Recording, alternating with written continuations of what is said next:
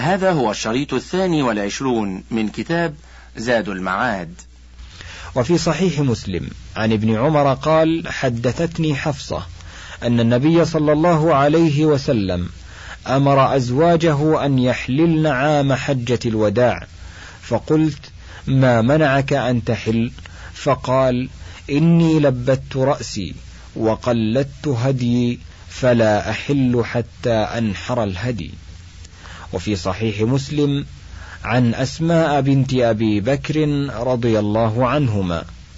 خرجنا محرمين فقال رسول الله صلى الله عليه وسلم من كان معه هدي فليقم على إحرامه ومن لم يكن معه هدي فليحلل. وذكرت الحديث. وفي صحيح مسلم أيضا عن أبي سعيد الخدري قال خرجنا مع رسول الله صلى الله عليه وسلم نصرخ بالحج صراخا. فلما قدمنا مكة أمرنا أن نجعلها عمرة إلا من ساق الهدي. فلما كان يوم التروية ورحنا إلى منى أهللنا بالحج. وفي صحيح البخاري عن ابن عباس رضي الله عنهما قال أهل المهاجرون والأنصار وأزواج النبي صلى الله عليه وسلم في حجة الوداع وأهللنا فلما قدمنا مكة قال رسول الله صلى الله عليه وسلم اجعلوا إهلالكم بالحج عمرة إلا من قلد الهدي. وذكر الحديث. وفي صحيح البخاري عن ابن عباس رضي الله عنهما قال أهل المهاجرون والأنصار وأزواج النبي صلى الله عليه وسلم في حجة الوداع وأهللنا. فلما قدمنا مكة قال رسول الله صلى الله عليه وسلم اجعلوا إهلالكم بالحج عمرة إلا من قلد الهدي وذكر الحديث. وفي السنن عن البراء بن عازب خرج رسول الله صلى الله عليه وسلم وأصحابه. فأحرمنا بالحج فلما قدمنا مكة قال اجعلوا حجكم عمرة. فقال الناس يا رسول الله قد أحرمنا بالحج فكيف نجعلها عمرة؟ فقال انظروا ما آمركم به فافعلوه. فرددوا عليه القول فغضب ثم انطلق حتى دخل على عائشة وهو غضبان. فرأت الغضب في وجهه فقالت من أغضبك أغضبه الله. فقال وما لي لا أغضب وأنا آمر أمرا فلا يتبع. ونحن نشهد الله علينا أنا لو أحرمنا بحج لرأينا فرضا علينا فسخه إلى عمرة تفاديا من غضب رسول الله صلى الله عليه وسلم واتباعا لأمره. فوالله ما نسخ هذا في حياته ولا بعده. ولا صح حرف واحد يعارضه ولا خص به أصحابه دون من بعدهم. بل أجرى الله سبحانه على لسان سراقة أن يسأله. هل ذلك مختص بهم؟ فأجاب بأن ذلك كائن لأبد الأبد. فما ندري ما نقدم على هذه الأحاديث. وهذا الأمر المؤكد الذي غضب رسول الله صلى الله عليه وسلم على من خالفه.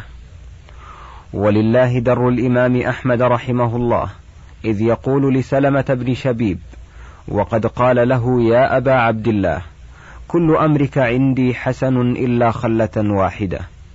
قال وما هي؟ قال تقول بفسخ الحج إلى العمرة. فقال يا سلمة كنت أرى لك عقلا. عندي في ذلك أحد عشر حديثا صحاحا عن رسول الله صلى الله عليه وسلم. أأتركها لقولك؟ وفي السنن عن البراء بن عازب أن عليا رضي الله عنه لما قدم على رسول الله صلى الله عليه وسلم من اليمن أدرك فاطمة وقد لبست ثيابا صبيغا ونضحت البيت بنضوح فقال ما بالك؟ فقالت إن رسول الله صلى الله عليه وسلم أمر أصحابه فحلوا. وقال ابن أبي شيبة حدثنا ابن فضيل عن يزيد عن مجاهد قال قال عبد الله بن الزبير أفردوا الحج ودعوا قول أعماكم هذا. فقال عبد الله بن عباس إن الذي أعمى الله قلبه لأنت ألا تسأل أمك عن هذا؟ فأرسل إليها فقالت صدق ابن عباس جئنا مع رسول الله صلى الله عليه وآله وسلم حجاجا فجعلناها عمرة فحللنا الإحلال كله حتى سطعت المجامر بين الرجال والنساء.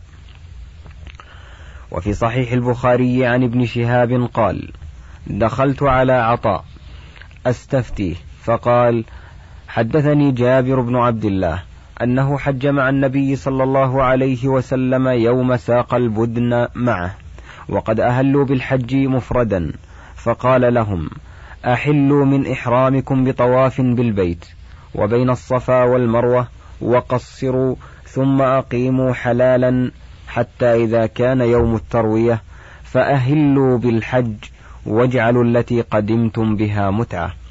فقالوا كيف نجعلها متعة وقد سمينا الحج؟ فقال افعلوا ما آمركم به فلولا أني سقت الهدي لفعلت مثل الذي أمرتكم به ولكن لا يحل مني حرام حتى يبلغ الهدي محلة ففعلوا. وفي صحيحه أيضا عنه أهل النبي صلى الله عليه وسلم وأصحابه بالحج وذكر الحديث وفيه فأمر النبي صلى الله عليه وسلم أصحابه أن يجعلوها عمرة ويطوفوا ثم يقصروا إلا من ساق الهدي. فقالوا أننطلق إلى منى وذكر أحدنا يقطر؟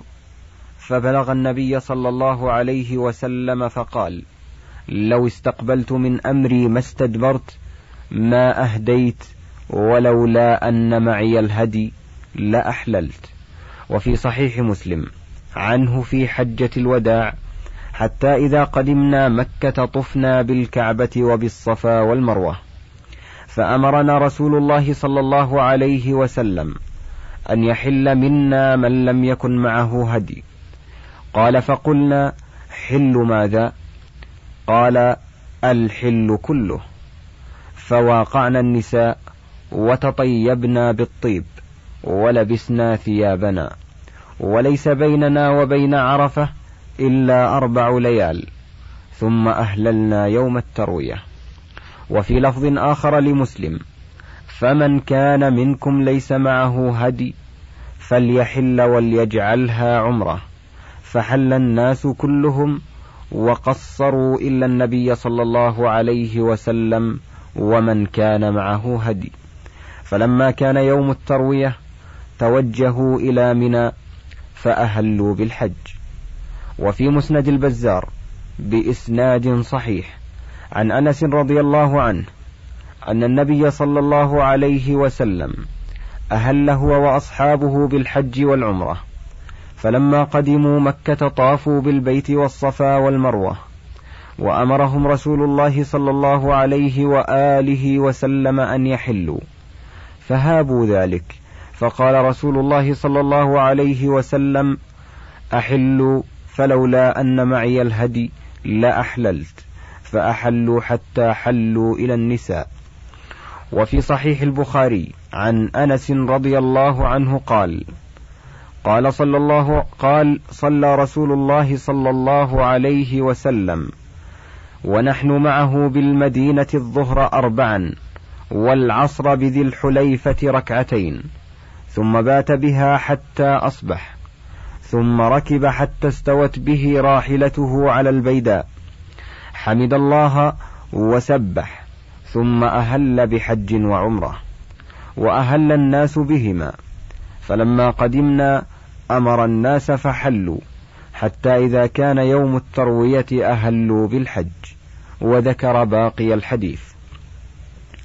وفي صحيحه أيضا عن أبي موسى الأشعري قال بعثني رسول الله صلى الله عليه وآله وسلم إلى قومي باليمن فجئت وهو بالبطحاء فقال بما أهللت؟ فقلت أهللت بإهلال النبي صلى الله عليه وسلم. فقال هل معك من هدي؟ قلت لا فأمرني فطفت بالبيت وبالصفا والمروة ثم أمرني فأحللت. وفي صحيح مسلم أن رجلا من بني الهجيم قال لابن عباس ما هذه الفتية التي قد تشغبت بالناس؟ أن من طاف بالبيت فقد حل. فقال سنة نبيكم صلى الله عليه وآله وسلم وإن رغمتم. وصدق ابن عباس كل من طاف بالبيت ممن لا هدي معه من مفرد أو قارن أو متمتع فقد حل إما وجوبا وإما حكما. هذه هي السنة التي لا راد لها ولا مدفع وهذا كقوله صلى الله عليه وآله وسلم إذا أدبر النهار من ها هنا وأقبل الليل من ها هنا فقد أفطر الصائم. إما أن يكون المعنى أفطر حكما أو دخل وقت إفطاره. وصار الوقت في حقه وقت إفطار. فهكذا هذا الذي قد طاف بالبيت. إما أن يكون قد حل حكما وإما أن يكون ذلك الوقت في حقه ليس وقت إحرام. بل هو وقت حل ليس إلا ما لم يكن معه هدي وهذا صريح السنة. وفي صحيح مسلم أيضا عن عطاء قال كان ابن عباس يقول لا يطوف بالبيت حاج ولا غير حاج إلا حل. وكان يقول هو بعد المعرف وقبله.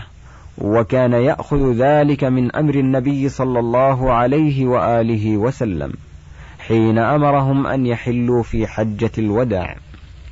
وفي صحيح مسلم عن ابن عباس أن النبي صلى الله عليه وسلم قال هذه عمرة استمتعنا بها. فمن لم يكن معه الهدي فليحل الحل كله فقد دخلت العمرة في الحج إلى يوم القيامة. وقال عبد الرزاق حدثنا معمر عن قتادة عن أبي الشعثاء عن ابن عباس قال من جاء مهلا بالحج فإن الطواف بالبيت يصيره إلى عمرة شاء أو أبى. قلت إن الناس ينكرون ذلك عليك. قال هي سنة نبيهم وإن رغموا. وقد روى هذا عن النبي صلى الله عليه وسلم من سمينا وغيرهم. وروى ذلك عنهم طوائف من كبار التابعين حتى صار منقولا نقلا يرفع الشك ويوجب اليقين. ولا يمكن أحدا أن ينكره أو يقول لم يقع. وهو مذهب أهل بيت رسول الله صلى الله عليه وآله وسلم. ومذهب حبر الأمة وبحرها ابن عباس وأصحابه. ومذهب أبي موسى الأشعري. ومذهب إمام أهل السنة والحديث أحمد بن حنبل وأتباعه. وأهل الحديث معه. ومذهب عبد الله بن الحسن العنبري قاضي البصرة. ومذهب أهل الظاهر. والذين خالفوا هذه الأحاديث لهم أعذار العذر الأول أنها منسوخة العذر الثاني أنها مخصوصة بالصحابة لا يجوز لغيرهم مشاركتهم في حكمها. العذر الثالث معارضتها بما يدل على خلاف حكمها. وهذا مجموع ما اعتذروا به عنها. ونحن نذكر هذه الأعذار عذرا عذرا، ونبين ما فيها بمعونة الله وتوفيقه. أما العذر الأول وهو النسخ فيحتاج إلى أربعة أمور لم يأتوا منها بشيء. يحتاج إلى نصوص أخر. تكون تلك النصوص معارضة لهذه ثم تكون مع هذه المعارضة مقاومة لها ثم يثبت تأخرها عنها. قال المدعون للنسخ قال عمر بن الخطاب السجستاني حدثنا الفريابي حدثنا أبان بن أبي حازم قال حدثني أبو بكر بن حفص عن ابن عمر عن عمر بن الخطاب رضي الله عنه أنه قال لما ولي يا أيها الناس إن رسول الله صلى الله عليه وآله وسلم أحل لنا المتعة ثم حرمها علينا. رواه البزار في مسنده عنه. قال المبيحون للفسخ عجبا لكم في مقاومة الجبال الرواسي التي لا تزعزعها الرياح بكثيب مهيل تسفيه الرياح يمينا وشمالا فهذا الحديث لا سند ولا متن أما سنده فإنه لا تقوم به حجة علينا عند أهل الحديث وأما متنه فإن المراد بالمتعة فيه متعة النساء التي أحلها رسول الله صلى الله عليه وآله وسلم ثم حرمها. لا يجوز فيها غير ذلك البتة لوجوه. أحدها إجماع الأمة على أن متعة الحج غير محرمة بل إما واجبة أو أفضل الأنساك على الإطلاق أو مستحبة أو جائزة. ولا نعلم للأمة قولا خامسا فيها بالتحريم. الثاني أن عمر بن الخطاب رضي الله عنه صح عنه من غير وجه أنه قال لو حججت لتمتعت. ثم لو حججت لتمتعت. ذكره الأثرم في سننه وغيره. وذكر عبد الرزاق في مصنفه عن سالم بن عبد الله أنه سئل أنهى عمر عن متعة الحج؟ قال لا أبعد كتاب الله تعالى وذكر عن نافع أن رجلا قال له أنهى عمر عن متعة الحج؟ قال لا. وذكر أيضا عن ابن عباس أنه قال هذا الذي يزعمون أنه نهى عن المتعة. يعني عمر سمعته يقول لو اعتمرت ثم حججت لتمتعت. قال أبو محمد بن حزم صح عن عمر الرجوع إلى القول بالتمتع بعد النهي عنه. وهذا محال أن يرجع إلى القول بما صح عنده أنه منسوخ. الثالث أنه من المحال أن ينهى عنها وقد قال صلى الله عليه وسلم لمن سأله هل هي لعامهم ذلك أم للأبد؟ فقال بل للأبد وهذا قطع لتوهم ورود النسخ عليها وهذا أحد الأحكام التي يستحيل ورود النسخ عليها. وهو الحكم الذي أخبر الصادق المصدوق باستمراره ودوامه فإنه لا خلف لخبره. فصل العذر الثاني دعوى اختصاص ذلك بالصحابة واحتجوا بوجوه. أحدها ما رواه عبد الله بن الزبير الحميدي حدثنا سفيان عن يحيى بن سعيد عن المرقع عن أبي ذر أنه قال كان فسخ الحج من رسول الله صلى الله عليه وآله وسلم لنا خاصة. وقال وكيع حدثنا موسى بن عبيدة حدثنا يعقوب بن زيد عن أبي ذر قال لم يكن لأحد بعدنا أن يجعل حجته عمرة. إنها كانت رخصة لنا أصحاب محمد صلى الله عليه وآله وسلم. وقال البزار حدثنا يوسف بن موسى حدثنا سلمة بن الفضل حدثنا محمد بن إسحاق عن عبد الرحمن الأسدي عن يزيد بن شريك قلنا لأبي ذر كيف تمتع رسول الله صلى الله عليه وسلم وأنتم معه؟ فقال ما أنتم وذاك إنما ذاك شيء رخص لنا فيه يعني المتعة. وقال البزار حدثنا يوسف بن موسى حدثنا عبيد الله بن موسى حدثنا إسرائيل عن إبراهيم بن المهاجر عن أبي بكر التيمي عن أبيه والحارث بن سويد قال قال أبو ذر في الحج والمتعة رخصة أعطاناها رسول الله صلى الله عليه وسلم. وقال أبو داود حدثنا هناد بن السري عن عن ابن أبي زائدة أخبرنا محمد بن إسحاق عن عبد الرحمن بن الأسود عن سليمان أو سليم بن الأسود أن أبا ذر كان يقول في من حج ثم فسخها إلى عمرة. لم يكن ذلك إلا للركب الذين كانوا مع رسول الله صلى الله عليه وسلم. وفي صحيح مسلم عن أبي ذر قال كانت المتعة في الحج لأصحاب محمد صلى الله عليه وآله وسلم خاصة. وفي لفظ كانت لنا رخصة يعني المتعة في الحج. وفي لفظ آخر لا تصح المتعتان إلا لنا خاصة. يعني متعة النساء ومتعة الحج. وفي لفظ آخر إنما كانت لنا خاصة دونكم يعني متعة الحج. وفي سنن النسائي بإسناد صحيح عن إبراهيم التيمي عن أبيه عن أبي ذر في متعة الحج ليست لكم ولستم منها في شيء إنما كانت رخصة لنا أصحاب رسول الله صلى الله عليه وآله وسلم.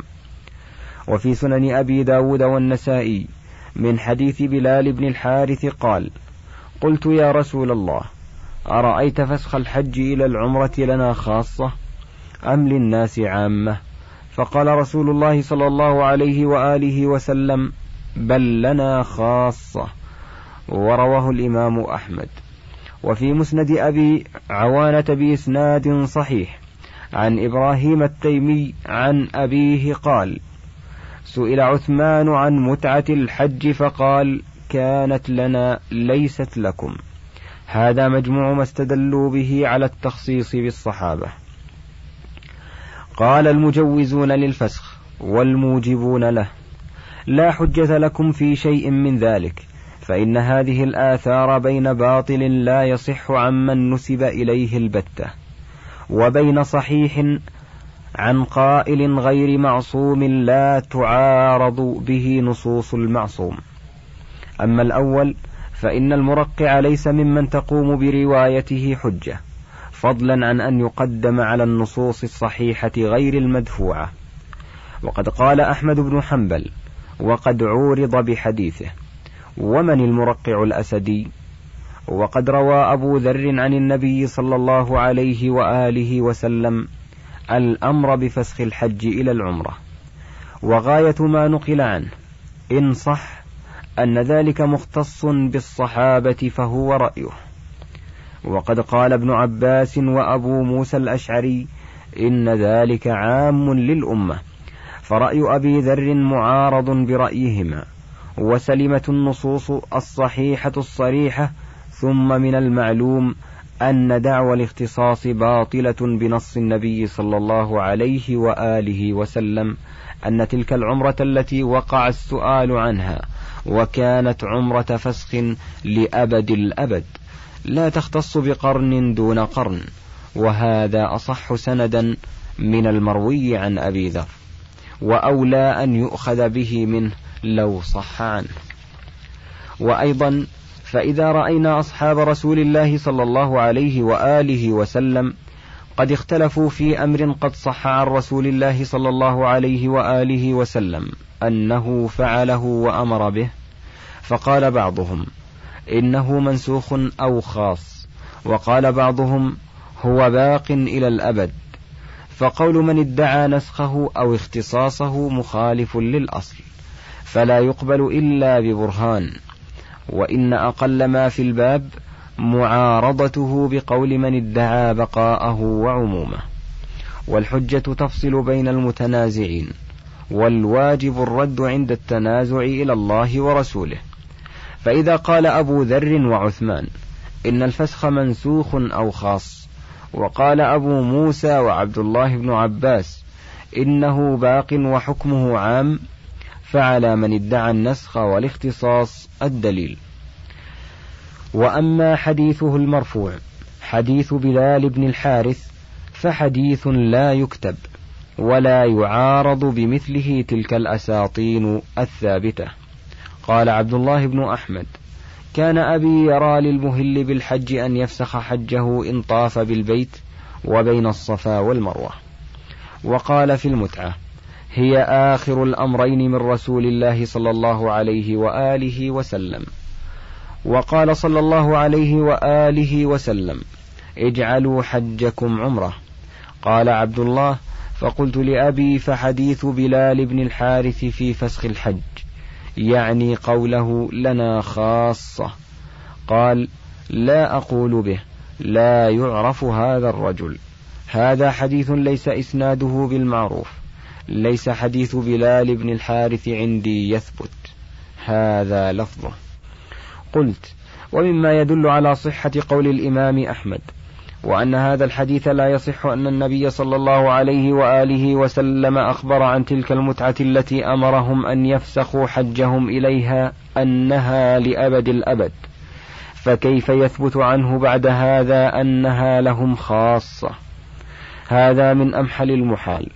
وكيف يأمرهم بالفسخ ويقول دخلت العمرة في الحج إلى يوم القيامة؟